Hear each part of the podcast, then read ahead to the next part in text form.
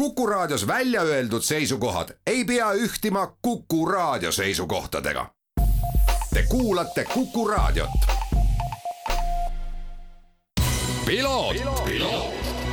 ralli uudiste parima kvaliteedi tagavad Osmo õlivahad tervist, hea Kuku raadio kuulaja, eetris on saade Piloot ja stuudios saatejuht Margus Kiiver. eelmises saates hakkasime vaikselt tagasi vaatama möödunud mootorispordi hooajale ja jätkame seda ka täna, sest äh, aasta on äh, tegelikult äh, olnud mootorispordi vaatenurgast, ma arvan, Eestile küllaltki edukas jah, võib-olla neid kõige kõrgemaid äh, tippe ja kohti koju ei toodud, äh, pean siin silmas nii WRC sarja kui ka F2 sarja äh, just tiitlite poole pealt, aga vaatamata sellele on aastal kaks tuhat kakskümmend kaks Eestis mitmeid mootorispordi maailmameistreid, on mitmeid maailmameistrivõistluste medaliste, poodiumimehi ja naisi ning äh, on ka Euroopa tasemel kõvasti sõidetud ja loomulikult äh, on ka erinevatel rahvusvahelistel võistlustel, mis küll päris tiitlivõistluste nime ei kanna, häid tulemusi tehtud, nii et äh, julgeks öelda, et selline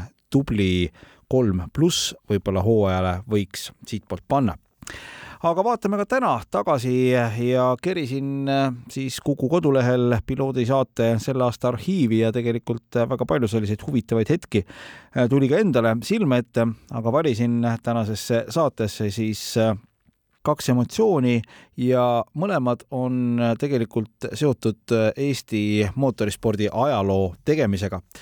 kõigepealt läheme tagasi juunikuusse, kui Martin Rumbist sai esimene eestlane, kes osales siis äh, legendaarsel Le Mani kahekümne nelja tunni sõidul, kui tema meeskonnal Absolute Racingule suhteliselt viimasel hetkel tuli ikkagi pakkumine seal osaleda, sõitsid nad Hardpoint Motorsport meeskonna nime all, seda väga lihtsal põhjusel, kuivõrd äh, see meeskond oli juba ära registreeritud, aga paraku osaleda ei saanud. kokku oli äh, LMGT AM-klassis äh, sõitmas kakskümmend kolm võistkonda ning Absolute Racing püsis pikalt käsikolmiku konkurentsis paraku, aga olid vahepeal seal probleemid tagavedrustusega ning lõpuks tulid veel ka muud probleemid, aga sõit lõpetati, mis on kõige tähtsam, ja saadi siis äh, üheteistkümnes koht omas klassis. ja püüdsingi siis äh, juuni keskel Martin Rumbi telefoni teel Prantsusmaalt kinni ja uurisin siis, millised äh, noormehe meeleolud olid pärast seda, kui ajalugu oli tehtud ning ta esimese eestlasena legendaarsel Le Mani kahekümne nelja tunni sõidul osalenud oli jah, ma arvan, et see oli tegelikult kordaminek.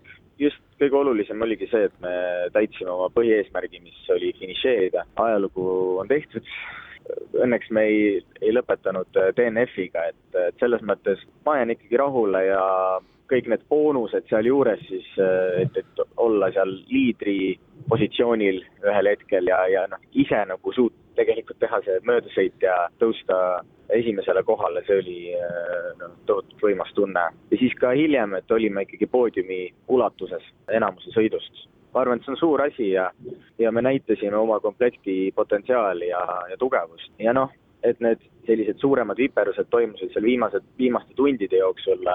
võidusõit, kestvussõit, see on nagu oodatud, et midagi ikkagi alati juhtub ja, ja noh, juhtus seekord nii, teinekord juhtub vähem ei jää nagu põdema siia, siia juurde, et selles mõttes jah, ma jään rahule ja, ja see esimene Le Mans on nagu väärikalt tehtud. kõige muu kõrval küsisin Martini käest ka seda, et kas peale sõitu peale seda kahtekümmet nelja tundi oli ka mingisugune selline pingelangus ja kuidas üldse kogu selle sõidu vältel olid lood väsimusega? ausalt öeldes mul see adrenaliin langes juba peale finišit ära. et äh, tõenäoliselt mul oli see adrekas juba nii kaua üleval olnud, et äh, vist organism ise nagu ütles, et enam ei jaksa et äh, siis, kui ma õhtul eile jõudsin magama, siis ma magasin mingisugune järjest kaksteist pool, võib-olla kolmteist tundi isegi. isegi tegelikult sõidu äh, ajal juba peale siis teist trippelit mul õnnestus saada ikka poolteist tundi und ja, täitsa sügavad kohe. selles mõttes õnnestus nagu väga hästi ka puhkusega ja, ja, ja selle taastumise poole pealt just. finišiski nagu oleks võinud edasi sõita, et ei olnud nüüd niimoodi, et oi, ma olen nüüd nii väsinud, väsinud, et on nagu kõik täitsa, et rohkem nagu üldse ei jaksa, et ei olnud pigistatud, tühjaks pigistatud tunnet, aga praegu on niisugune täitsa hea tunne on, ütleme ikka, kerge jäikus on sees kehas äh,, mentaalselt olen puhanud välja, ei jõua ära oodata, et Eestisse tagasi jõuda ja ma ei tea, trenni minna. See on õige suhtumine, Martin, aga meeskonnale ju see tegelikult, ma usun, andis tohutu boost'i, et nagu sa ütlesid, et sina sõitsid vahepeal klassi liidri kohal, te olite ikkagi tegelikult kuni nende tehniliste viperusteni väga selgelt ikkagi oma klassi poodiumi konkurentsis sees ja tegelikult teie tulek oli ka ju, nagu me nädal aega tagasi rääkisime, suht viimase hetke otsus. selles mõttes kõik see kehtis, et äh, kuna tulime siia nii viimasel hetkel ja, ja noh, nüüd siis üle-eelmise nädala esmaspäeval saime teada, et me siia nagu kohale tuleme. Mingit eriettevalmistust ei teinud, äh, kõik oli selline niimoodi natukene nagu jooksu pealt, aga samas äh, kohale jõudsime, nägime ikkagi tippkonkurentsi, tipptaset tiimilt, ütleme, mingit nagu järeleandmisi selles mõttes ei tehtud, et kõik oli ikkagi kvaliteetselt tehtud ja, ja ka sõitjate poole pealt meil ju komplekt, eh, noh, näitasime selgelt, et me oleme võiduvõimelised. eks alati peab õnne olema, peab ütleme, mingisuguseid asju saab paremini teha, ütleme, otsuseid sõidu poole pealt, noh, mis iganes. aga see ongi see kestvussõidu nagu võlu, et, et ütleme, mitte kunagi seda ideaali ei saavuta, aga me näitasime selgelt, et me oleme suutelised võitma ja ja näitasime maailmale seda äh, tippkonkurentsis, et see, see oli võimas ja, ja ma loodan, et me saame siia tagasi tulla. sellised äh, tagasivaated, muljed siis juunikuust Martin Rumbilt, kes siis tänavu äh, sõitis ka Euroopa Le Mani sarjas ning loodetavasti näeme teda ka järgmisel aastal siis Le Mani kahekümne nelja tunni sõidul osalemas aga üks mees tegi veel Eestis mootorispordi ajalugu, selleks oli Gert Varik, kes koos soomlasest korvipoisi Lari Kunnasega jõudis saavutuseni, milleni tegelikult Eesti motospordis varem jõutud ei olnud. külgkorvikrossi maailmameistrivõistlused on olnud eestlastele küllaltki südamelähedased ning kahe tuhande neljandal aastal tulid Are Kaurit ja Jürgen Jakk samast sarjast koju pronksmedaliga. Are Kaurit toimetab ka Gert Variku taustajõudude hulgas ning äh, kindlasti sellest oli suur-suur abi kuni viimase hetkeni, Saksamaal sõidetud viimase etapini oli Varikul ja Kunnasel võimalus võidelda ka maailmameistritiitli nimel. Mm, seekord tuli aga leppida hõbedaga, aga samas tõdes Gert Varik ise, et ega tegelikult äh, see on ikkagi võidetud hõbemedal ja jäi ta sellega rahul.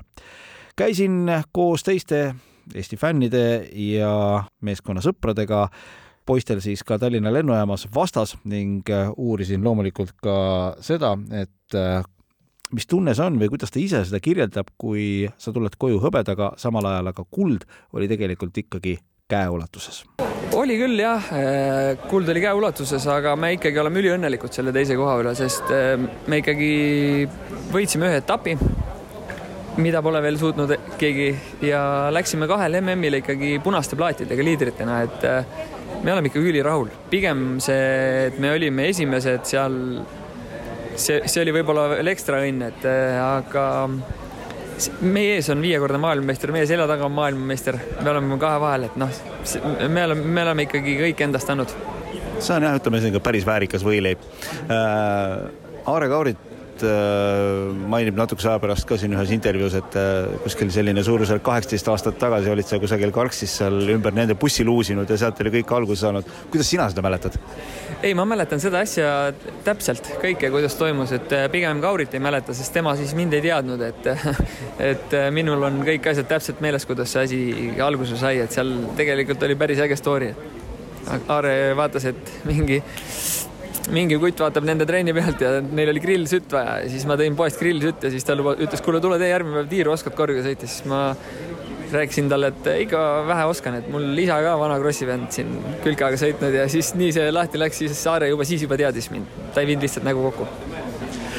no aga sealt edasi jah, algas selline äge koostöö noh, sa tõid välja need sellised äh, kõrghetked sellest hooajast, äh, liider, etapivõidud, kõik sellised, noh, ongi väga vägevad asjad. räägi natukene sellest viimasest etapist, sest mina olen ainult lugenud selle kohta ja no need ei olnud sellised väga toredad olud, kus te sõitsite ja ei olnud ja et äh, ega seal vahepeal oligi mõte, et jäetakse ära, mis oleks meile hästi sobinud aga noh, see oleks ka olnud niisugune ära jäetud võit, et aga need olud olid ikkagi väga keerulised.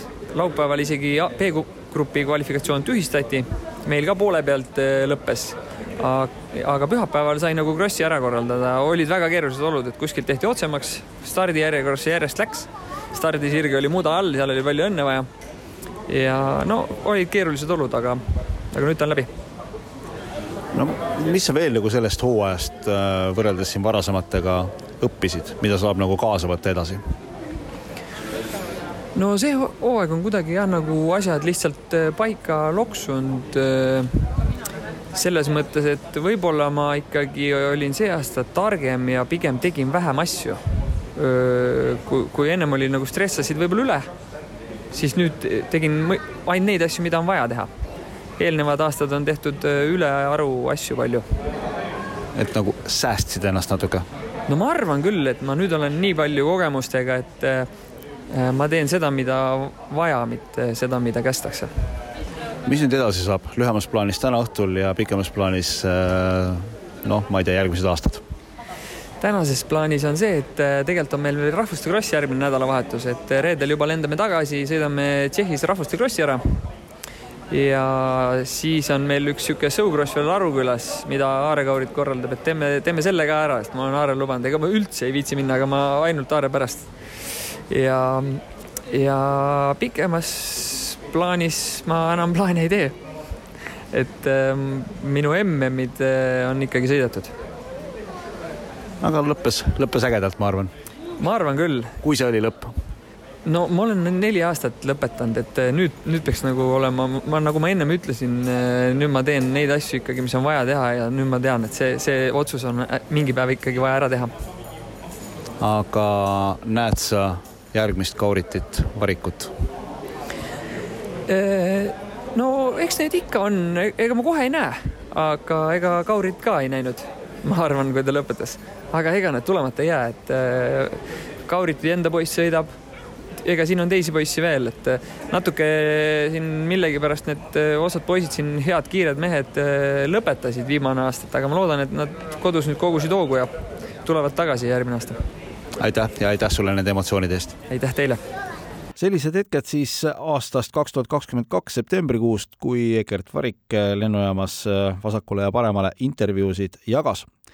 Gert Variku karjäär on tõepoolest rahvusvahelisel tasemel lõppenud ja sellele kahjuks aitas kaasa ka see, et kui ta läks hea sõbra ning taustajõu Are Kauriti poolt korraldatud Aruküla motokrossile ja õnnetult kukkus ning sai sealt päris korraliku põlvevigastuse siin paar päeva tagasi oli Gerdiga ühel teisel teemal juttu ning küsisin ta käest ka seda, et äh, kuidas me seda siis nüüd nagu kirjeldame, kas vigastuse tõttu oma karjääri lõpetanud, rahvusvahelise karjääri just lõpetanud või lihtsalt lõpetanud, siis ta naeris, ütles, et tegelikult jõudis ta karjääri ennem ära lõpetada, kui vigastus tuli ja muide, nii vaiksemalt omavahel öeldes ütles, et mine sa tea, äkki Eestis ikkagi mingil hetkel taas starti tuleb.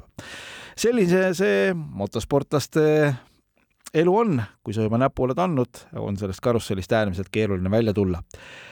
selles äh, aastas on jäänud veel üks saade järgmisel nädalal, kes selles saates sõna saab, praegusel hetkel veel saladust avaldama ei hakka, aga usun, et saab olema tore kuulamine ning äh, jääb üle vaid siitpoolt soovida kõikidele Kuku kuulajatele mootorispordi toimetuse poolt äh, rahulikku jõuluaega ning äh, mõnusat aega koos oma lähedastega.